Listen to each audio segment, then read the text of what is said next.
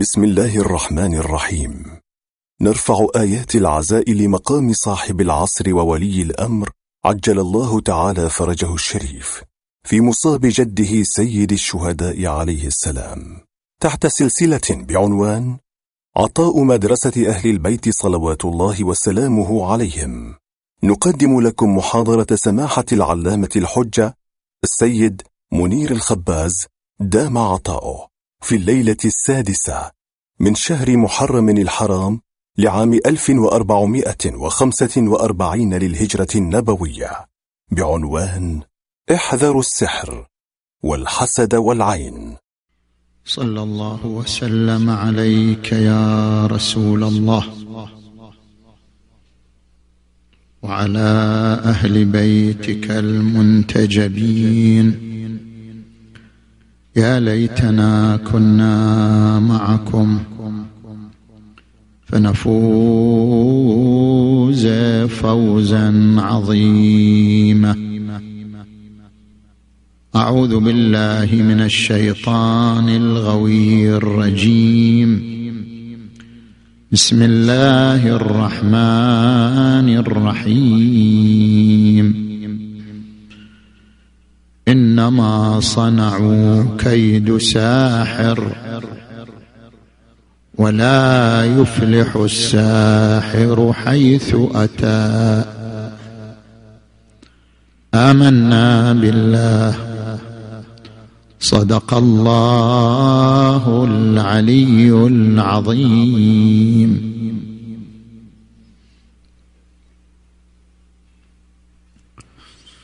حديثنا انطلاقا من الآية المباركة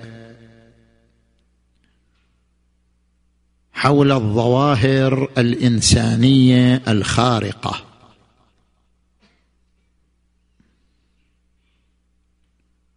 وحديثنا عن الظواهر الخارقة من خلال محاور ثلاثة. في تاريخ التعاطي مع هذه الظواهر وأنواعها وموقف العلم منها. وفي تناول القرآن الكريم لبعض هذه الظواهر. وفي موقف الفقه الإمامي من التعامل بهذه الظواهر الخارقة. المحور الأول الظواهر الخارقة المعبر عنها بالسحر أو الحسد أو التناظر. ما هو تاريخ التعاطي معها؟ وما هي أنواعها وما موقف العلم منها. فهنا ثلاثة أسئلة في المحور الأول نطرحها لنجيب عنها. السؤال الأول متى بدأ التعاطي مع هذه الظواهر الخارقة بالنسبة إلى التاريخ؟ التاريخ القريب منا. كان العرب منذ القدم يفرقون بين الكهانة والعرافة. فالكهانة هي التنبؤ بالأمور المستقبلية والعرافة هي الإخبار عما مضى. أو الإخبار عن الأشياء الخفية.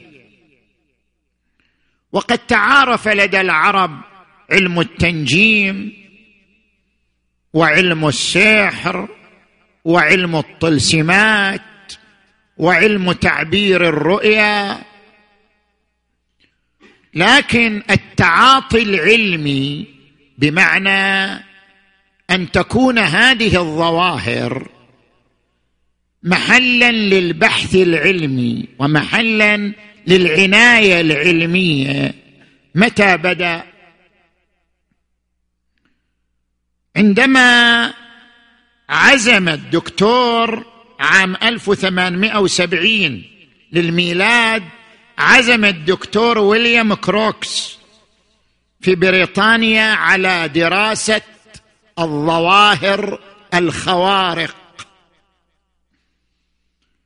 وقد تأسست جمعية العلوم النفسية في لندن عام 1882 وقد أخذت على عاتقها فتح هذا الباب دراسة الظواهر الخوارق. وفي عام 1927 تفرغ الباحثان. جوزيف راين وزوجته لويزا في جامعة ديوك كارولينا الشمالية في أمريكا لوضع الركائز لهذه المادة. هذه المادة ماذا تسمى في الغرب؟ قد إحنا نسميها السحر قد نسميها الخوارق المصطلح العلمي parapsychology parapsychology بار يعني القرب. ساكيولوجي علم النفس يعني ما وراء علم النفس. دراسة ما وراء علم النفس. ما وراء علم النفس هو عبارة عن ما يشمل هذه الظواهر الخوارق المعبر عنها بارسكيولوجي زين. تطورت هذه المادة إلى حد أن وافقت الرابطة الأمريكية لتقدم العلوم عام 1969 على إلحاق رابطة بارسكيولوجي بمؤسستها. وصار يدرس فيما يقارب 130 كلية وجامعة في الولايات المتحدة. بارسكيولوجي له عدة أنواع. ما هي الأنواع المتداولة أو المعهودة؟ النوع الأول الإدراك فوق الحسي. إحنا كل إدراكنا حسي عبر الحواس. الإدراك فوق الحسي هذه الظاهرة الأولى. يقول تايلور المتوفى عام 1985 يقول التخاطر هو عبارة عن قدرة عقل اكتشاف ما في عقل آخر. بدون أي واسطة حسية. يقف أمامك يكتشف ما في عقلك. من خواطر من أفكار من نشاط. هذا يسمى التخاطر إدراك فوق الحسي. النوع الثاني قدرة التحريك النفسي. قدرة التحريك النفسي بمعنى أن الإنسان بنظر معين وبقدرة نفسية مركزة يستطيع تحريك الأشياء بدون واسطة مادية. يحرك كراسي يحرك سيارة من دون أي واسطة وهو جالس في مكانه. القدرة على التحريك النفسي النوع الثالث الاتصال بالأرواح. الشريرة أو الخيرة كالاتصال بالجان أو الاتصال بأرواح الموتى أو الاتصال بالأشباح. هذه الأنواع الثلاثة عبروا عنها بارسكيولوجي عبروا عنها بدراسات ما وراء علم النفس. لكن يبقى السؤال ما هو موقف العلم منها؟ هل أن العلم يعتبرها نظرية علمية كسائر النظريات العلمية في مجالات العلوم الإنسانية أو العلوم الطبيعية أم لا؟ إلى الآن العلم لم يعترف بها كنظرية علمية. لماذا مع كل هذه الجهود واعتراف الجمعية الأمريكية في علم النفس بها وإلى آخره؟ لماذا؟ ركز معي جيدا.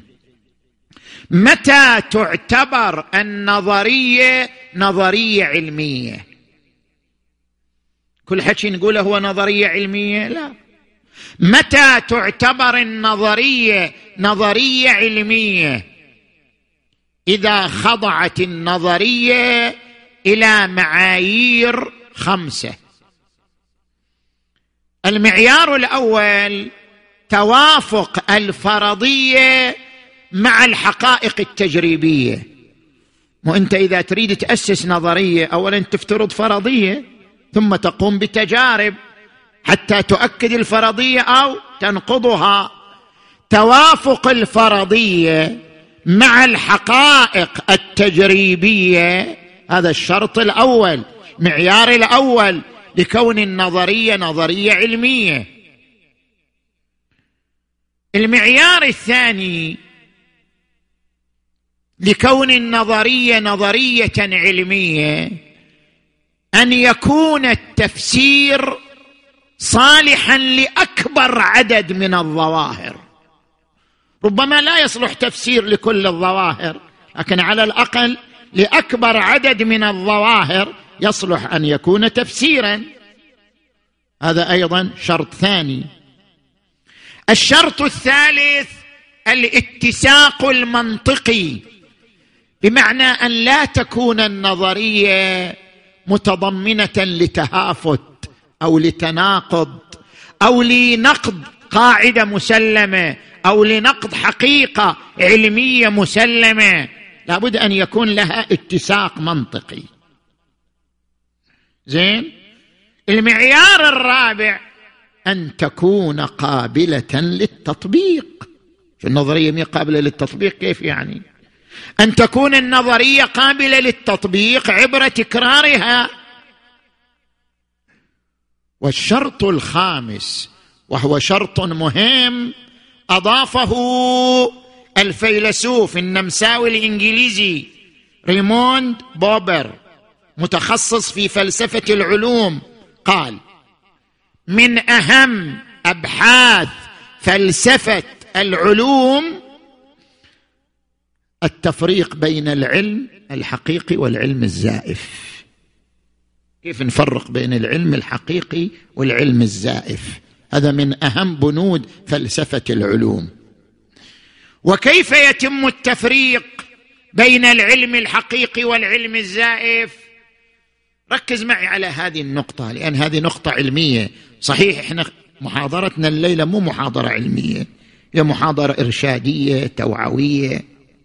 تنبيه لبعض المظاهر الخطرة في المجتمع ولكن هناك نقاط علمية يجب أن ندركها.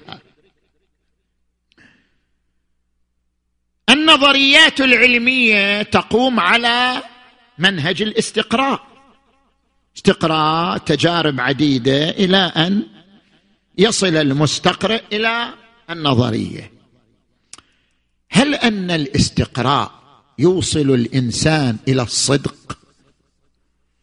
يوصل الإنسان إلى الوثوق بالقانون أم لا؟ يعني نحن عندما نستقرئ مليون فرد من الماء ونرى أن كل فرد من هذا المليون إذا بلغت درجة حرارته مئة فإنه يغلي. بس إحنا أقمنا التجربه على كم؟ مليون فرد. كيف نعممها لكل ماء ولو كان في أعالي الجبال ولو كان في ظروف أخرى بحيث نقول كل ماء بلغت درجة حرارته مئة فإنه يغلي. كيف نعمم؟ هنا يذكر هذا الفيلسوف. يقول لا ملازمة لا ملازمة بين صدق الجزئيات وصدق القانون الكلي. اللي صدق عندك مليون. بس انت عممت قلت كل ماء. ولا ملازمة بين صدق الجزئيات يعني التجربة التي أقيمت على مليون فرد وبين صدق القانون الكلي بأن تقول كل ماء بلغت درجة حرارته مئة فإنه يغلي. ما في ملازمة. هذا يعني أن الاستقراء لا يولد يقينا لا يولد جزما لا يولد وثوقا. ولهذا يقول هذا الفيلسوف يقول لا توجد عندنا نظرية صحيحة مئة بالمئة. وإنما تفاضل بين النظريات بأن نقول هذه أقرب من تلك أفضل من تلك. لماذا؟ لأنها تدعمها التجربة أكثر. أما نظرية صحيحة مئة بالمئة لا ما عندنا. يصل بعد ذلك إلى هذا المعيار. يعتبر في النظرية حتى تكون نظرية علمية يعتبر فيها أن تكون قابلة للتخطئة. وأن تكون قابلة للصحة. هذاك مفروغ عنه. ولا بد تكون قابلة للصحة. لا هو يقول أيضا حتى تكون نظرية علمية أن تكون قابلة للخطأ. أن تكون قابلة للتخطئة. اذا عندنا معايير خمسة حتى تكون النظرية نظرية علمية. نجي نطبق هذه المعايير الخمسة على البارسكيولوجي نجي نطبقها على التخاطر الإدراك فوق الحسي التحريك النفسي الاتصال بالأرواح. هل تنطبق هذه المعايير الخمسة على ذلك بحيث تعتبر نظرية علمية؟ مشكلة. لماذا؟ الآن أذكر لك. أقيمت دراسة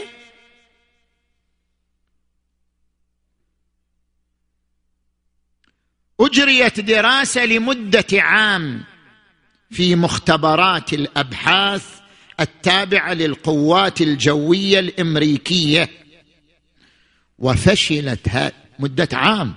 وفشلت هذه الدراسة في إثبات وجود إدراك فوق فوق الحس.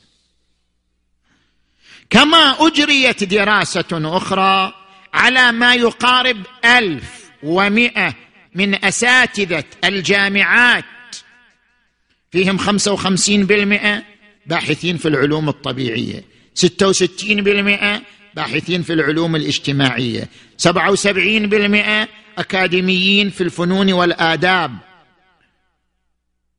أجريت التجربة. نتيجة شنو؟ نتيجة أربعة وثلاثين بالمئة من علماء النفس الحاضرين في تلك التجربة قالوا إن البارسكيولوجي يمكن أن يكون موجودا. هذه النتيجة. هذه الأبحاث هذه التجارب النتيجة أنها يمكن أن تكون صحيحة يمكن أن تكون واقعة يمكن أن تكون موجودة. لأجل ذلك عندما نلاحظ أنه جمعية العلوم النفسية في بريطانيا تكلمت عنها بحيادية. أما إذا نجي إلى جمعية علم النفس الأمريكية قالت هذه المقالة عن البارسكيولوجي قالت على الرغم من أن علماء بارسكيولوجي ملتزمون بالإجراءات العلمية يعني كل تجاربهم تجارب علمية إلا أن هذا المجال لا يزال ينظر إليه بعين الشك من قبل معظم العلماء بما فيهم علماء النفس. ما زال موضع شك. ليش هذا الشك؟ أنا أذكر لك سببين. السبب الأول أن أفضل النتائج الموثقة التي حصلوا عليها نتيجة هذه التجارب هي نتائج لا تقبل التكرار. صارت في سنة ما صارت سنة أخرى. صارت في ظروف ما تنقحت في ظروف أخرى غير قابلة للتكرار. فكيف تكون نظرية علمية؟ زين. الأمر الثاني وهذا مهم. التلازم لا يعني السببية. هذه قاعدة منطقية علمية. التلازم لا يعني السببية. يعني افترض الآن صار في تلازم. كلما يجي اثنين من الشهر يصير غيوم. تلازم صار. افترض إحنا على مدة سنتين كل ليلة اثنين من الشهر يصير عندنا غيوم. قل ها اثنين من الشهر سبب للغيوم. لك لا التلازم لا يعني السببية. تلازم يحتمل أسباب أخرى. تلازم ظاهرتين لا يعني سببية إحدى الظاهرتين للأخرى. أنت تقول هناك تلازم هذا الشخص يجلس ويحرك الأشياء هو جالس ينظر إلى الأشياء فتتحرك. اذا معناه نظره هو المحرك للأشياء. أو هذا الشخص مثلا كلما تمتم بألفاظ اتصل بالأرواح الشريرة. إذا تمتمته سبب لوصول الأرواح الشريرة. يقول لك لا التلازم لا يعني السببية. هذا لا يعني أن هذا سبب لهذا. ربما هناك عوامل دخيلة في حصول هذا التلازم.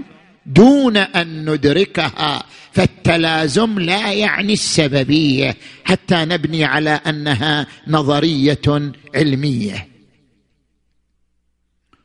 زين. هل هذا يعني أنه أمر غيبي؟ ربما يقول شخص لعل هذه الأمور من شؤون الغيب ولا يستطيع العلم التجريبي أن ينال ما وراء عالم الطبيعة. لعل قصور العلم الطبيعي قصور العلم التجريبي عن تحديد بارسكيولوجي تحديد الظواهر غير الطبيعية ضبط الظواهر الخارقة باعتبار أنه علم تجريبي لا يمكن أن ينال وأن يصل لما وراء عالم المادة. فإذا لماذا نقف من هذه الظواهر موقف التشكيك لعلها من شؤون علم الغيب؟ وعالم المادة وعالم الشهادة لا ينال علم الغيب.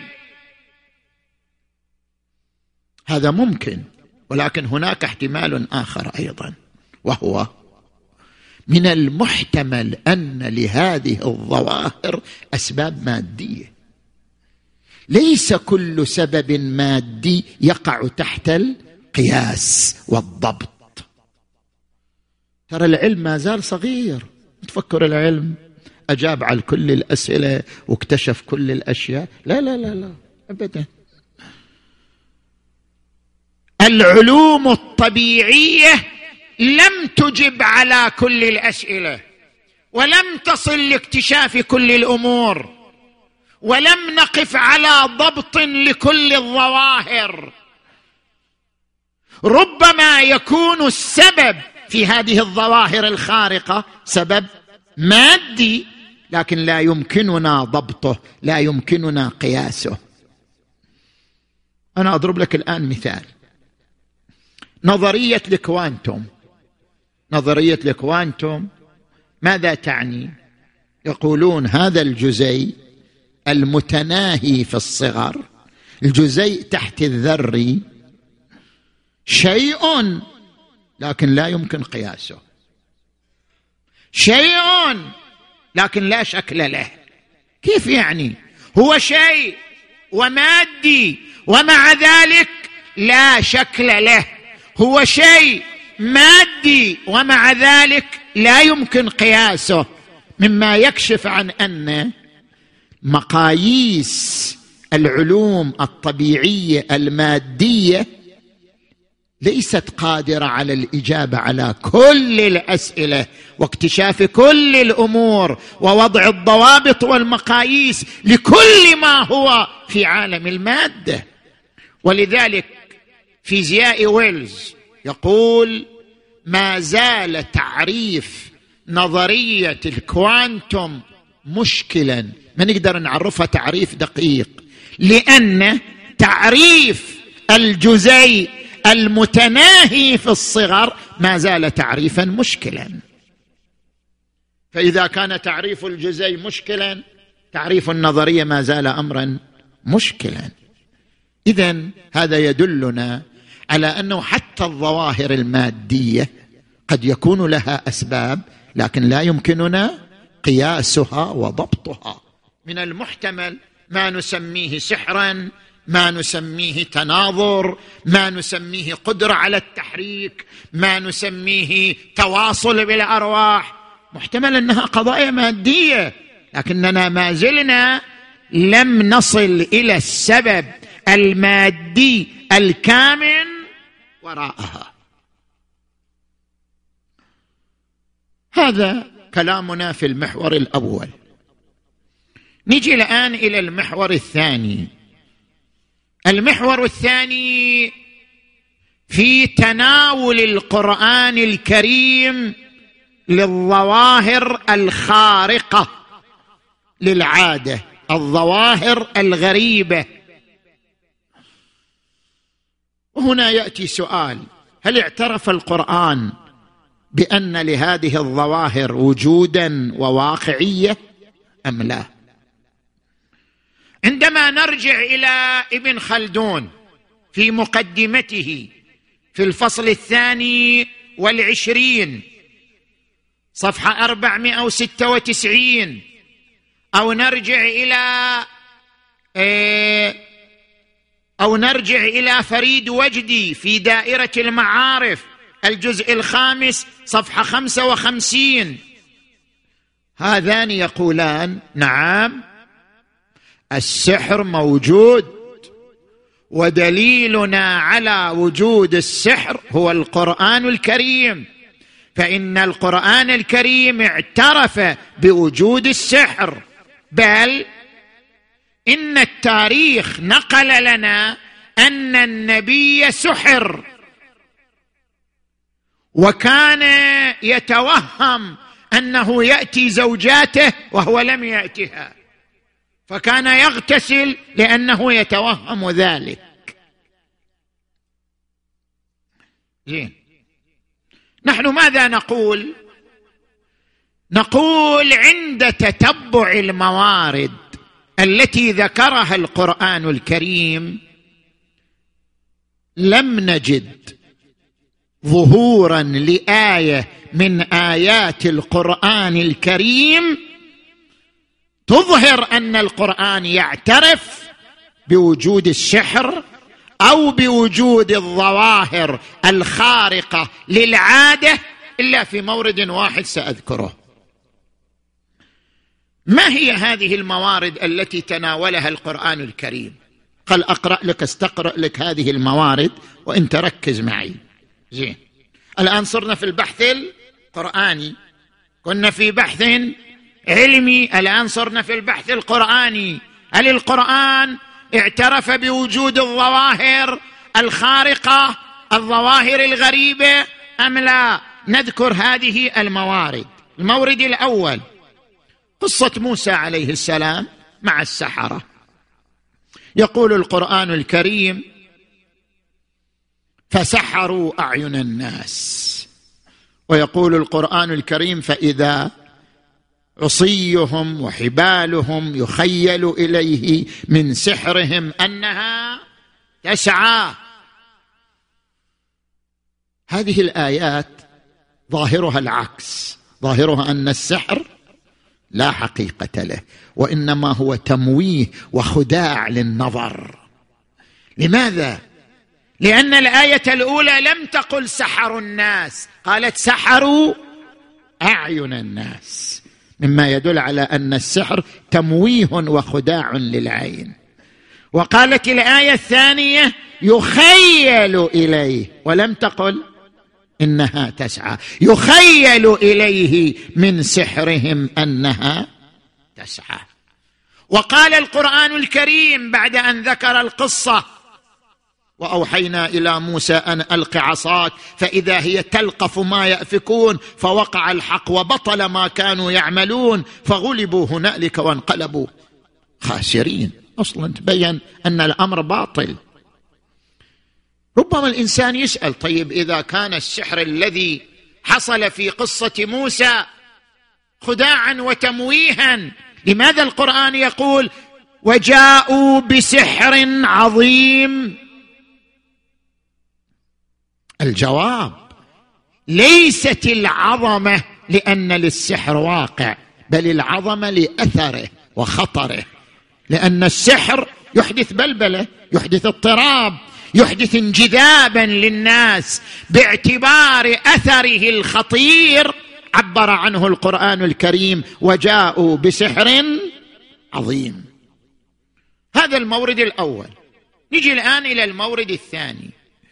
المورد الثاني هو الذي ركز عليه كثير من المفسرين. قالوا هذا هو الدليل على أن القرآن يعترف بالسحر. زين اقرأ هذه الآية المباركة.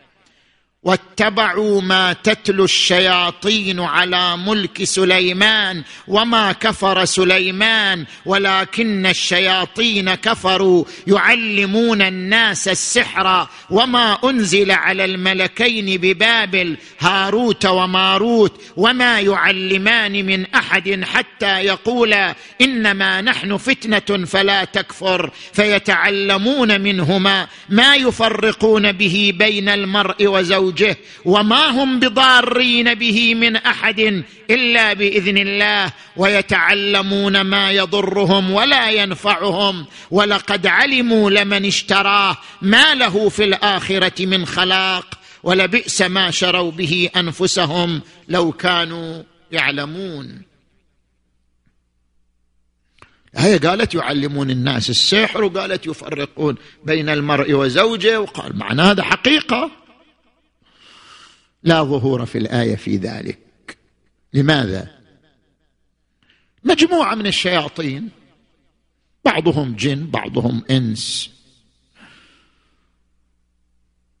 وقفوا أمام الناس وقالوا نحن نمتلك السحر الذي ملكه النبي سليمان. لأن النبي سليمان استطاع أن يحصل على ملك عظيم كما عبر عنه القرآن الكريم رب هب لي ملكا لا ينبغي لأحد من بعدي. وسخرنا له الريح تجري بأمره رخاء حيث أصاب. والشياطين كل بناء وغواص وآخرين مقرنين في الأصفاد. كان له ملك عظيم سليمان. هؤلاء المجموعة من الشياطين قالوا نحن نمتلك السحر الذي كان عند سليمان والذي كان باستطاعته تسخير الريح والشياطين. واتبعوا ما هؤلاء الناس صدقوهم. واتبعوا ما تتلو الشياطين على ملك يعني تنسب أنفسها لملك سليمان. واتبعوا ما تتلو الشياطين على ملك سليمان. وما كفر سليمان. ما كان عنده سحر ولا كفر. ولكن الشياطين كفروا. يعني كانوا كاذبين وكافرين. زين. يعلمون الناس السحر. خب تعليم السحر هذا لا يدل على أن للسحر واقع. وبالنتيجه السحر هو مهنة حرفة. يمكن أن يتعلمها الإنسان. لكن هذه المهنة والحرفة هي القدرة على التمويه والخداع والتأثير على العين يعلمون الناس السحر. وما أنزل على الملكين ببابل هاروت وماروت. علماء الأدب يقولون العطف يدل على المغايرة. قال السحر وما أنزل يعني ما أنزل ليس ليس من السحر شيء غير السحر. وما أنزل على الملكين ببابل هاروت وماروت. طبعا سميا ملكين هم مو ملكين سميا ملكين. قيل لطهارتهما ونزاهتهما واتصالهما بوحي السماء. وما أنزل على الملكين ببابل هاروت وماروت. زين هاروت وماروت شنو كان عندهم؟ وما يعلمان. هاروت كان عندهم فعلا علم. فعلا كان لديهم علم. وكان علمهما مبطلا للسحر ومفندا له.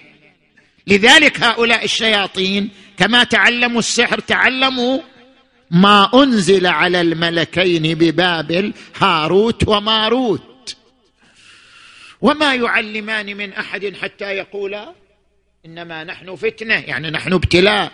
الفتنة في القرآن بمعنى الابتلاء. إنما أموالكم وأولادكم فتنة ابتلاء واختبار. إنما نحن فتنة نحن ابتلاء لكم واختبار لكم. فلا تكفر وما يعلمان من أحد حتى يقولا إنما نحن فتنة فلا تكفر.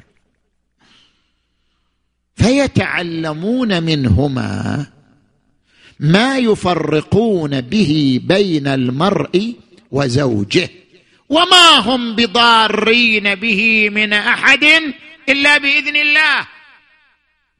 العلم هو علم لكن العلم ذو سلاح ذو حدين. يمكن أن تستخدمه في إنتاج الخير يمكن أن تستخدمه في إنتاج الشر. بالتكنولوجيا يمكن أن تصنع طائره سائره يمكن أن تصنع سلاحا مدمرا.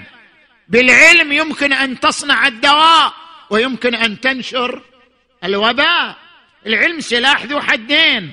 ما كان لدى الملكين علما ما كان لدى الملكين علم سماوي لكنهم استخدموه في إنتاج الشر في التفريق بين المرء وزوجه وما هم بضارين به من أحد إلا بإذن الله.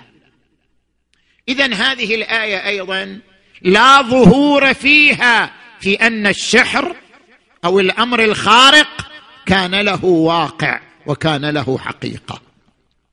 نجي إلى المورد الثالث وهو المهم.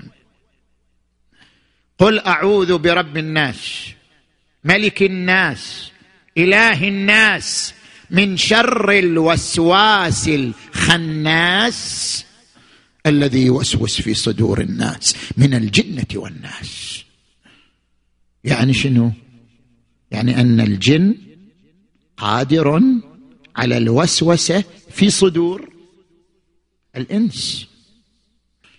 لأن قال وسواس خناس خناس هو الذي يعمل بالخفاء انت تقرأ هذه الآية المباركة لا أقسم بالخنس الجوار الكنس. هي النجوم الجواري هي النجوم النجوم في بعض الفصول في بعض الليالي يخفت ضوءها فيعبر عنها بالخنس. في بعض الليالي يبرز ضوءها فيعبر عنها بالكنس. لا أقسم بالخنس. الجوار الكنس. الوسواس الخناس الذي يعمل بالخفاء. من شر الوسواس الخناس. شو يسوي هذا الذي يوسوس في صدور الناس؟ من هو هذا الموسوس؟ من الجنة والناس. يعني يمكن أن يكون الموسوس أيضا من الجن ومع ذلك يوسوس في صدر الإنسان. ومن الطبيعي أن الجن عندما يريد أن يوسوس في صدر الإنسان لن تكون هناك وسيلة حسية مرئية من خلالها تتم وسوسة الجن للإنسان. اذا هذه الآية هي ظاهرة في وجود أمر غريب. وهو قدرة الجن على الوسوسة في صدر الإنسان. من هنا نوضح أمرين. الأمر الأول قد يقول قائل أنت في وين إحنا في عصر التكنولوجيا وعصر العلم وأنت قاعد تتحكى واسواس وخناس وجن. وين الجن؟ وين؟ لماذا تتحدثون عن خزعبلات وأمور هي من أساليب عجائز النساء وعالم الذين يعيشون هبوطا في الثقافة وركاكة في المعلومات. أين زماننا؟ زمان التقدم التكنولوجي وزمان الانفجار هذه الثورة الرقمية وأنتم ما زالوا تتحدثون عن وسوسة الجن للإنس. نقول لا تنافي بين الأمرين.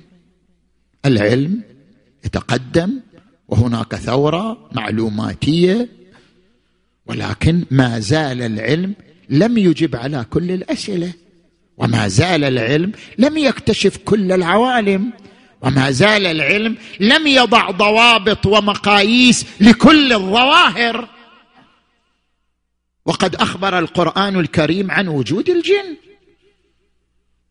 إنا سمعنا قد أوحي إلي أنه استمع نفر من الجن. فقالوا إنا سمعنا قرآنا عجبا يدعو يهدي إلى الرشد فآمنا به. جن يقولون والرسول يقول سمع الجن ذلك يعني الجن لهم وجود.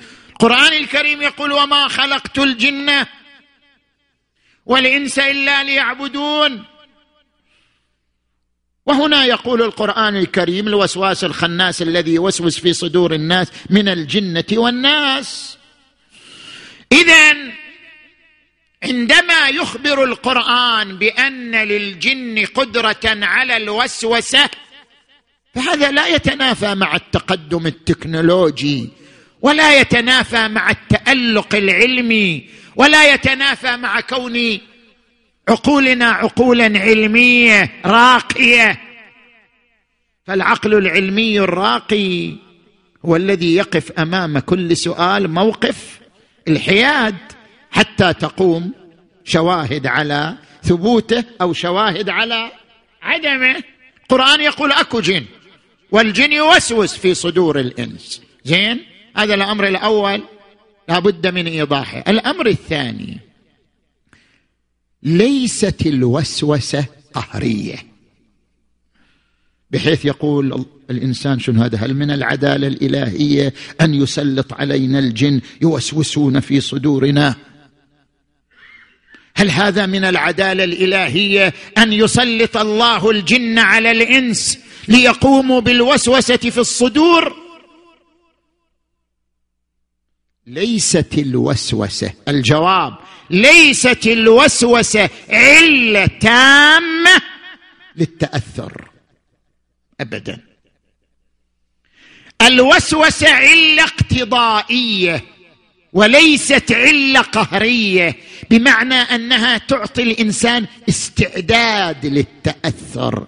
لا أن هذه الوسوسة علة تامة للتأثر بحيث تتنافى مع العدالة الإلهية. لاحظوا وسوسه الجن أعظم من وسوسة الصديق. هم أعظم يعني. صديق وياك ليل ونهار. كل يوم يعبيك. كل يوم يعبيك من المعلومات. زين؟ القرآن الكريم يقول قال يا ويلتى ليتني لم أتخذ فلانا خليلا لقد أضلني عن الذكر بعد إذ جاءني وكان الشيطان للإنسان خذولا. الخليل يؤثر عليك الصديق يؤثر عليك.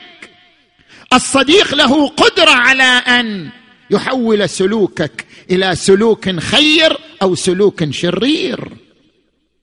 ولذلك ورد عن الإمام زين العابدين علي عليه السلام خمسة لا ترافقهم لا تحادثهم. من هم؟ قال الكذاب فانه كالسراب قرب لك البعيد ويبعد عنك القريب. الثاني الفاسق فإنه يبيعك بأكله أو بأقل منها. فاسق ما يحترم دينه يحترمك أنت يبيعك بأكله أو بأقل منها. بعد والاحمق فإنه يريد أن ينفعك فيضرك. ما تستفيد أنت من علاقة شيء. زين؟ والأحمق فإنه يريد أن ينفعك فيضرك. إلى أن قال وقاطع الرحم فإني وجدته ملعونا في كتاب الله. اذا صديق مؤثر كما أن وسوسة الصديق تأثيرها استعدادي وليس تاثيرا قاهرا لأن القرار بيدك أنت. القرار يرجع إلى قوة إرادتك وحزمك ويرجع إلى قوة شخصيتك. كذلك وسوسة الجن. لن تزيد وسوسة الجن على أكثر من وسوسة الصديق لكن قوة الشخصية وقوة الإرادة وقوة العزيمة لدى الإنسان تمنع عنه أن يتأثر بأي وسوسة سواء كانت من الجن أو من الإنس. زين. نجي الآن إلى بقية الموارد في القرآن الكريم تعرض لها سريعا. المورد الرابع.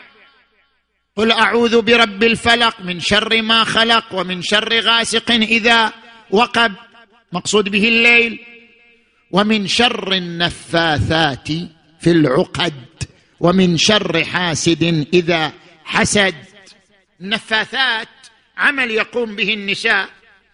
قديما يأخذون مناديل يجعلونها عقدة يربطونها بخيط ثم ينفثون في العقدة ببخور أو بدخان أو بريق معين ويعتقدون أن هذا يؤثر على الناس. والنفاثات في العقد ومن شر حاسد إذا حسد. الحسد مو بالضرورة يأثر. الحسد هو تمني زوال النعمة. شوف واحد عنده نعمة يقول يا ليت ما يحصلها. زين؟ تمني زوال النعمة هو الحسد. لكن مجرد الحسد لا أثر له. لذلك يقول القرآن إذا إذا حسد. يعني إذا أظهر الحسد عبر عمل. إذا أظهر الحسد عبر فعل وإلا مجرد الحسد لا أثر له ولا قيمة له. ومن شر حاسد إذا حسد يعني إذا أظهر حسده بعمل وفعل معين. هل النفاثات في العقد والحاسد يؤثر على الإنسان؟ ذكر بعض العلماء أنه لا تأثير للحسد ولا للنفاثات إلا إذا رجع للوسواس الناس يعني هذا يرتبط بذاك كيف؟ أذكر لك هذه النقطة. النفاثات في العقد أو الحاسد إذا حسد حتى يؤثر في الآخر تاثيرا استعداديا كما شرحناه. يقوم ببعض الأعمال التي تستدعي التواصل مع شياطين الجن. مثل ما هو متعارف يأخذون شيء من شعر المرأة أو الرجل أو شيء من ريقه ويضعونه في ورق معين ويضمون إليه أظافر ويضمون إليه أمورا أخرى ويضعونه في القبر في قبر أحد أو في بالوعة قاذورات أو يجعلونه في ماء ويصبون الماء على باب البيت. هذه الأعمال القذرة فعلا يحضر عندها شياطين الجن. فإذا حضر عندها شياطين الجن قام الجن بدوره بعد ذلك وهو دور الوسوسة. فهو يتوسل إلى وين؟ إلى دور الجن في قيامه بالوسوسة. من هنا؟ عندما ترى إنسان تعثر في دراسته تعثر في وظيفته تعثرت العلاقة بينه وبين زوجته كل ذلك يرجع إلى وسوسة تدب فيه فيستجيب إليها فيحصل له اضطرابات نفسية تحصل له أوهام تحصل له أفكار مختلفة تؤدي به إلى تعثر حياته. ولو أنه وقف موقف الحزم من أول يوم ومن أول سؤال ومن أول وهم ومن أول وسوسة لما وصل به الحال إلى أن تتعثر حياته. اذا القرآن الكريم لم يقل ومن شر النفث. قال ومن شر النفاثات. يعني النفث نفسه ليس هو شر. الشر في النفاث. ولم يقل من شر الحسد بل قال ومن شر حاسد. يعني الشر في الحاسد. وليس في الحسد نفسه. لماذا الشر في النفاث والحاسد؟ لأنهما يقومان بأعمال توجب التواصل مع شياطين الجن ويكون الدور النهائي لمن؟ لذلك الشيطان في الوسوسة في صدر هذا الإنسان التي قد تؤثر عليه في إعاقة حياته. زين. وأما قوله تعالى وإن يكاد الذين كفروا ليزلقونك بأبصارهم لما سمعوا الذكر ويقولون إنه لمجنون فلا ظهور في الآية على تأثير البصر لأن الزلق بالبصر هو عبارة عن النظر بحدة والنظر بحدة قد يكون عن حسد عن حقد عن كراهية. هذه الآية ما فيها دليل على شيء. وأما قوله تعالى هذا المورد الأخير الذي تعرض له القرآن إن الذين يأكلون الربا لا يقومون إلا كما يقوم الذي يتخبطه الشيطان من المس. ذلك بأنهم قالوا إنما البيع مثل الربا وأحل الله البيع وحرم الربا. قالوا هذا معناه في مس. الآية لا ظهور لها في المس البدني. جيك واحد يقول والله هذا مسه الجن سكنه الجن تلبس به الجن. هذه كلها الأمور لا صحة لها ولا واقع لها ولا دليل عليها. لا يقدر الجن على أكثر من الوسوسة. لا شيء آخر. فالمراد بالمس هنا المس عن طريق الوسوسة وليس المس عن طريق التلبس والسكنى في الجسد وما أشبه ذلك. زين؟ وصلنا إلى أمر لم يذكره القرآن الكريم. وإنما تعرض له الروايات الشريفة ألا وهو العين. فقد ورد في كتاب مكارم الأخلاق ومستدرك الوسائل ونهج البلاغة نقلا عن النبي محمد.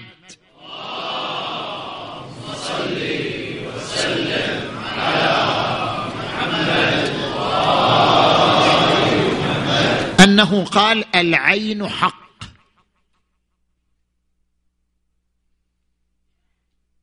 وورد في رواية معتبرة للسكون عن الإمام الصادق عن آبائه عن الرسول صلى الله عليه وآله لا رقى إلا في ثلاثة في حمى أو عين أو دم لا يرقى.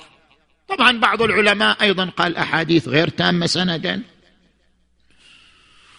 وكون الرقى مشروعا لا يعني أن العين لها واقعية ولكن بناء على أن للعين واقعية. قالوا اصابت عين.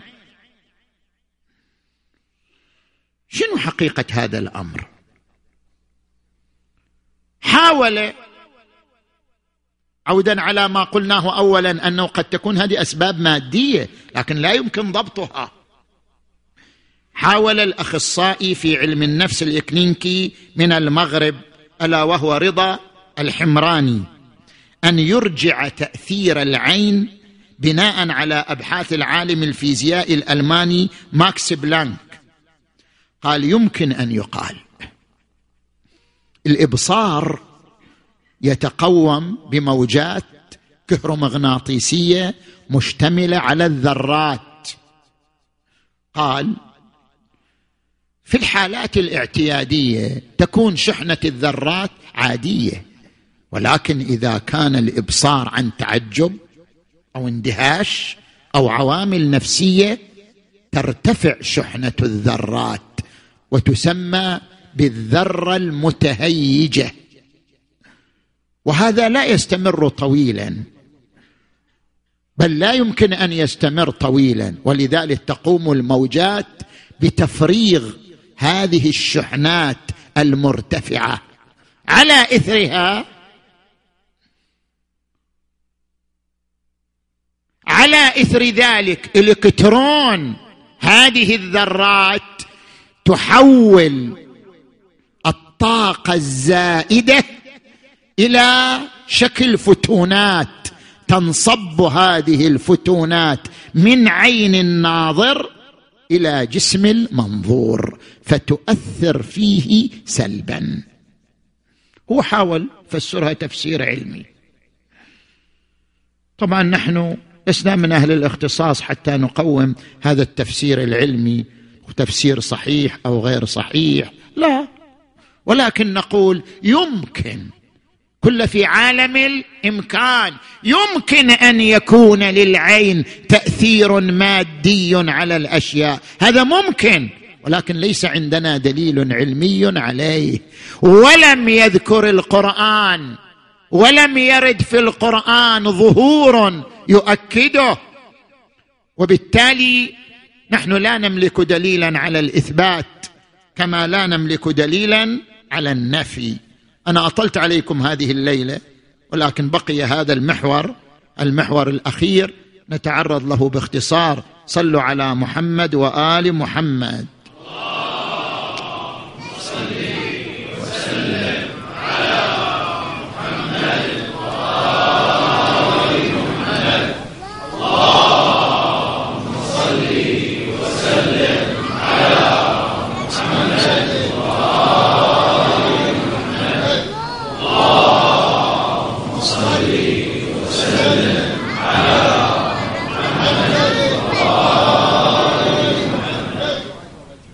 المحور الأخير موقف الفقه الإمامي من التعامل مع هذه الظواهر الخوارق. ذكر الشيخ المجلسي صاحب البحار في البحار الجزء الرابع عشر وواحد وخمسين أنواع من السحر. وعلق السيد الخوئي قدس سره في كتابه مصباح الفقاهة الجزء الأول صفحة 290 بأن الأنواع التي ذكرها الشيخ المجلسي للسحر ليست من السحر في شيء والسحر نوع واحد ألا وهو صرف الشيء عن وجهه على سبيل الخداع والتمويه وهذا ما هو ظاهر بعض الآيات القرآنية فأنا تسحرون يعني فأنا تصرفون وهناك رواية عن الإمام الصادق عليه السلام. أيقدر الساحر واحد يسأل الإمام الصادق. أيقدر الساحر أن يجعل الإنسان في صورة كلب أو حمار؟ قال هو أعجز من ذلك. هو أضعف من أن يغير خلق الله. إن من أبطل ما ركبه الله وصوره وغيره فهو شريك الله في خلقه. تعالى الله عن ذلك علوا كبيرا. لو قدر الساحر على ما وصفت لدفع عن نفسه الهرم والآفة. ده الساحر يقدر يسوي هذا كله. خليه يدفع عن نفسه الأمراض. خليه يدفع عن نفسه الموت. هل يقدر على ذلك؟ هو أعجز من ذلك كله. زين. نجي الآن إلى نقطتين في المحور الأخير. النقطة الأولى حكم السحر وحكم الحسد. أما حكم السحر فهو من أعظم الكبائر. كما في صحيحة عبد العظيم الحسني عد من الكبائر وفي معتبرة الحسن بن محبوب عن الهيثم عن الصادق عليه السلام عن رسول الله صلى الله عليه وآله من مشى إلى ساحر. وهذا الآن عندنا خصوصا في عالم النساء. تروح لواحد يفتح لها الفال تروح لواحد يفتح لها الكتاب. زين؟ من مشى إلى ساحر أو كاهن أو كذاب ليصدقه فيما يقول فقد كفر بما أنزل الله من كتاب. عليكم أن تسدوا الأبواب أمام هذه الدعوات وأمام هذه الخرافات. فقد كفر بما أنزل الله من كتاب. زين. هذا بالنسبة إلى السحر وأما بالنسبة إلى الحسد في منهاج الصالحين للإمام الخوئي والسيد السيستاني وفي المسائل المنتخبة من المحرمات الحسد مع إظهار يعني إذا أظهره بعمل مع إظهار أثره بقول أو فعل وهو من المنكر ورد عن الرسول صلى الله عليه وآله إن الحسد ليأكل الحسنات كما تأكل النار الحطب. النقطة الثانية التوصيات. نحن غرضنا كان من هذه المحاضرة أن نصل إلى أن نطرح رسالة توعوية إرشادية في هذا المجال التوصيات. هنا عدة توصيات. الأولى من أعظم المخاطر أن نعيش هذه الثقافة وأن نروج لها وأن تصل الأمور باستخدام هذه الأساليب القذرة كما ذكرنا أخذ ريق أو أخذ ثوب أو أخذ شعر من شخص ووضعه في بالوعة أو قبر أو رميه على الباب ضمن ماء. هذه الأساليب القذرة سواء كان لها أثر أم لم يكن لها أثر علينا أن نربي أبناءنا وأسرنا على نبذ هذه الثقافة وعلى تصوير هذه الثقافة بأنها ثقافة هابطة ثقافة لا يقوم بها إلا المتخلفون. لذلك هناك رسالة تربوية مهمة وهو تعليم الأجيال البعد عن مثل هذه التفاهات والبعد عن مثل هذه الأساليب القذرة. التوصية الثانية أن لا نربط الأضرار بهذه الأمور. هذه المشكلة. واحد صار في سيارة حادث قالوا يا أصابته عين. زين. واحد يوم تخربط مريض إيه صابته عين. لا حول ولا قوة إلا هذا تخلف في الدراسة. اي ولدي صابته عين. ولش ما يذاكر أصلا؟ وصابته عين وين وينه؟ العين ما تقدر عليه. زين. لا لا أصابته عين. زين. تخلف في الدراسة أصابت عين تعثرت الوظيفة أصابت عين صار حادث سيارة أصابت عين. طيب إلى متى هذه الكلمات؟ كلها نتيجة ضعف الثقافة. كلها نتيجة أوهام. أغلب هذه الحوادث ترجع إلى أمراض نفسية. هو أصلا عنده مشكلة هو عنده مرض نفسي. لازم يراجع الأخصائي لازم يراجع الطبيب النفسي لا عين ولا جن ولا شيء. هو مشكلة راجعة لمرض نفسي لا بد له أن يعالج هذا الاضطراب النفسي.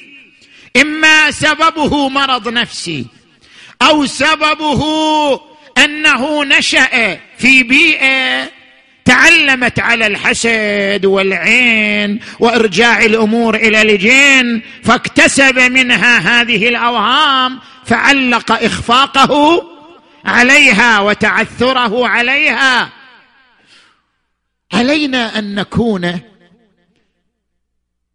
في هذه الأمور دقيقين أن نرجع الأمور إلى أسبابها الثابتة لا إلى الأسباب الموهومة.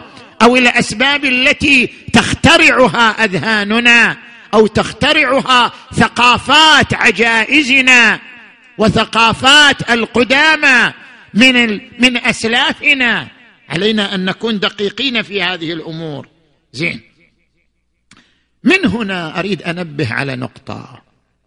كونوا وياي شوية بعض الناس بيزعل من هالنقطة بس لازم أنبه عليها تناول ما يسمى بعلم الطاقة.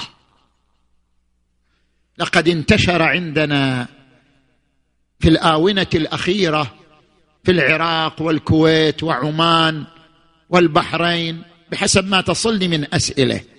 لقد انتشر تناول ما يسمى بعلم الطاقة.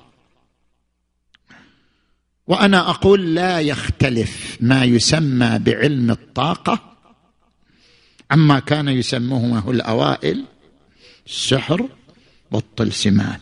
تغيرت الصور والمسمى واحد. تغيرت الألفاظ والمسمى واحد. إذا اختلف الزوج مع زوجته جاءت الخبيرة بعلم الطاقة وقالت طاقة زوجك لا تتناسب مع طاقتك وأنا أقوم إن شاء الله بالتوفيق بين الطاقتين. أنت عندك طاقة حارة هو عنده طاقة باردة أو أنت عندك طاقة عالية. شنو الكلام؟ شنو المستند العلمي لهذا الكلام؟ أو عندما يجلس شخص مع مجموعة ويلقي عليهم عبارات بصوت خافت ويطفئون الكهرباء ويصور لهم عالما سعيدا وينقلهم إلى أماكن أخرى إلى مثلا بيت الله الحرام أو مشهد الرضا ويتصورون أنهم وصلوا ولمسوا الأعتاب وقرأوا وتوسلوا. وكل ذلك تصوير مسرحي ليس له أساس علمي. أو يقال إذا أردت شيئا فلقن نفسك إياه تحصل عليه. إذا أردت سيارة مثلا إحنا الأول نقول الحين تطورت الأمور لو نقول سيارة مرسيدس نخب بعد جاوز المرسيدس. إذا أردت هذه السيارة الفخمة كل يوم نقول سأحصل سأحصل على وستحصل عليها. إذا أردت البنت الفلانية سأحصل عليها وستحصل عليها. إذا ما هو المستند العلمي لمثل هذه الترهات والخزعبلات؟ أنا أقرأ لك الآن كلام متخصصين في هذا المجال. اسمع. الدكتور الكويتي أستاذ الهندسة الإلكترونية والإتصالات محمد قاسم يقول إن كل ما يشاع عما يسمى علم الطاقة خاطئ. ولا يصح وصفه بأنه علم من الناحية الأكاديمية.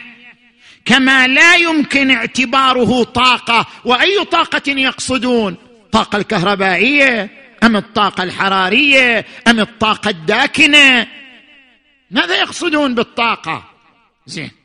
ثم يقول ويستخدم المروجون لهذا عبارات علمية لإيهام الناس بأنه علم ميكانيكا الكم.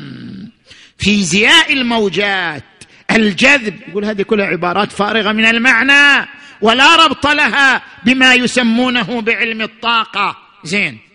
كذلك الدكتور فهد الخضيري يقول أحذر من عصابات يسميهم عصابات. أحذر من عصابات ما يسمى بعلم الطاقة والكارما والذبذبات فكلها شعوذه فكما نحذر من السحر والشعوذة والفال علينا أن نكون حذرين من مثل هذه الألوان. زين التوصية الأخيرة. وظيفة المؤمن التوكل على الله. ومن يتوكل على الله فهو حسبه. سألت المرحوم العلامة الشيخ عبد الحميد الخطي رحمه الله قلت له أنت عشت في القطيف زمنا طويلا وعاشرت ما يسمى بتلبس به الجن وما يقال حسده فلان وما يقال أصابته العين وما يقال. أنت كمجرب هل وجدت يوما شاهد حسي حي على ما يقولون؟ قال ابدا أنا هذه هذه السنين التي عشتها ما وجدت شاهدا حقيقيا على مثل هذه الأمور. وكل ما نسمع به هو يرجع لضعف شخصية الإنسان. مو أكثر من ذلك. اذا المؤمن دوره التوكل على الله دوره الارتباط بالله ومن يتوكل على الله فهو حسبه وعلى الله فليتوكل. المتوكلون ويقول الإمام أمير المؤمنين علي عليه السلام رضيت بما قسم الله لي وأوكلت أمري إلى خالقي كما أحسن الله فيما مضى كذلك يحسن فيما بقي. عليك بتفويض الأمر إلى الله والتوكل على الله والتوسل بأهل بيت النبوة. فإنهم خير وسيلة. متى وجدت اضطراب في نفسك قلق في نفسك تحتمل حسد تحتمل عين؟ الجأ إلى التوكل على الله وتفويض الأمر إليه والتوسل بأهل بيت النبوة. يا أيها الذين آمنوا اتقوا الله وابتغوا إليه الوسيلة والتوسل بأهل البيت. كتاب مفاتيح الجنان هو كتاب أدعية وكتاب أحراز. يوجد أحراز يأخذها الإنسان ليخرج من نفس الاضطرابات والقلق. حرز الزهراء حرز زين العابدين حرز الإمام الصادق حرز الإمام الكاظم حرز الإمام الرضا موجود في مفاتيح الجنان. تعويذات منقولة عن الأئمة الهداة. تعويذه من السحر تعويذه من العين تعويذه من الحسد.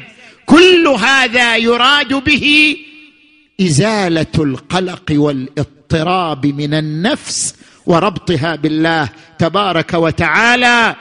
إنما المؤمنون الذين إذا ذكر الله وجلت قلوبهم وإذا تليت عليهم آياته زادتهم إيمانا وعلى ربهم يتوكلون. ألا بذكر الله تطمئن القلوب. وخير وسيلة لنا. محمد وآله الطاهرون صلوات الله عليهم أجمعين. ومن الوسائل العظيمة الصديقة الشهيدة فاطمة الزهراء. فإنا نتوسل بها في قضاء حوائجنا. نتوسل بها إلى الله في قضاء حوائجنا وشفاء مرضانا. وتيسير أمورنا. ولقد كانت هذه المرأة عزيزة. عزيزة عند والدها المصطفى وهي بضعته. وعزيزة عند بعلها أمير المؤمنين. وعزيزة عند أبنائها الحسن والحسين وزينب لما وجدوا من عظمة لها. وعزيزة حتى عند أصحاب أهل البيت. وعند حواري أهل البيت ومن الذين ومن الذين توسلوا بالسيدة الزهراء وتقربوا إلى السيدة الزهراء. صاحب هذه الليلة حبيب بن مظاهر الأسدي. ناصر الحسين شيخ الأنصار هذا الرجل العظيم يقول بعض المؤرخين كانت زوجته أم القاسم جالسة معه. فقالت يا حبيب لقد رأيت رؤيا في المنام. قال ماذا رأيت؟ قالت رأيت مجموعة من النساء جالسين في معزة في مأتم. وفي طليعتهم امرأة معصبة الرأس. باكية العين. قد لبست الثياب السوداء. قلت من هذه المرأة؟ قالوا هذه فاطمة الزهرة. جاية للماتم الزهرة جاية. جالسة في ماتم ولدها تجمع الانصار ها؟ والأحبة قبلت يدها. قالت من أنت؟ قلت أنا أم القاسم زوجة خادمكم حبيب بن مظاهر. قالت أبلغي حبيب مني السلام. ترى سلام الزهرة عظيم.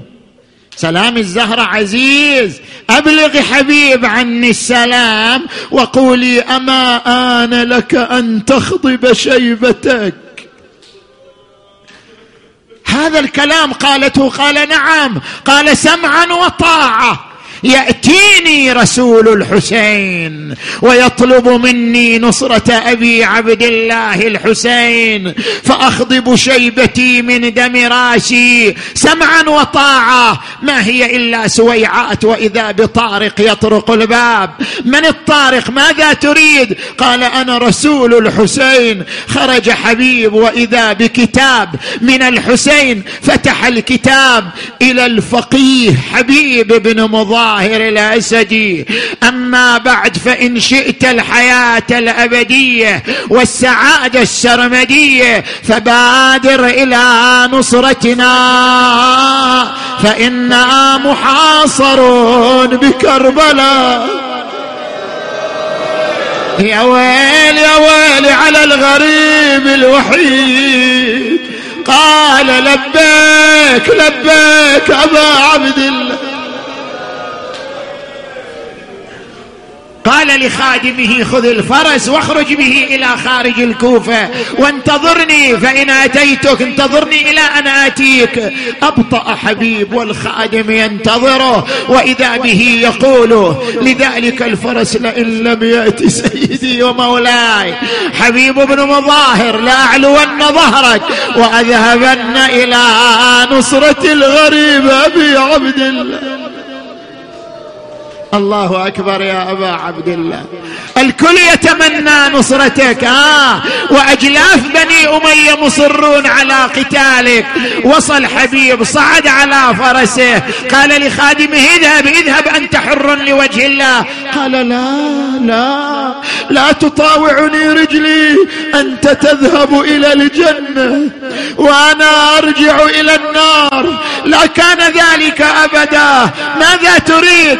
قال أريد أن يختلط دمي الأسود بدم الحسين وآل الحسين. وحسيناه وإماماه أصعده معه على فرسه أقبل إلى كربلاء قام الأنصار في استقباله. وما حلا ذيك الشمايل يا مطبل. ما حلا ذيك الشمايل يا مطبل كرب طلع عباس البطل وأولاد أخوي استق مرحبا يقل الشهيد زينب تقل وصل مستبشر لابوه سكنة وتناول راية. بعد بعد جاه من زينب سلام. زينب تسلم عليك. تريد ردي السلام؟ جاه من زينب سلام ومدمعة بالحال سال.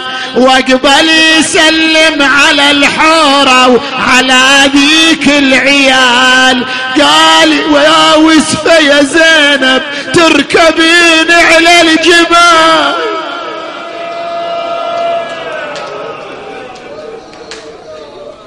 وصل حبيب إلى الحسين. تناول رايته. قال يا حبيب قف على خيمة العقيلة زينب.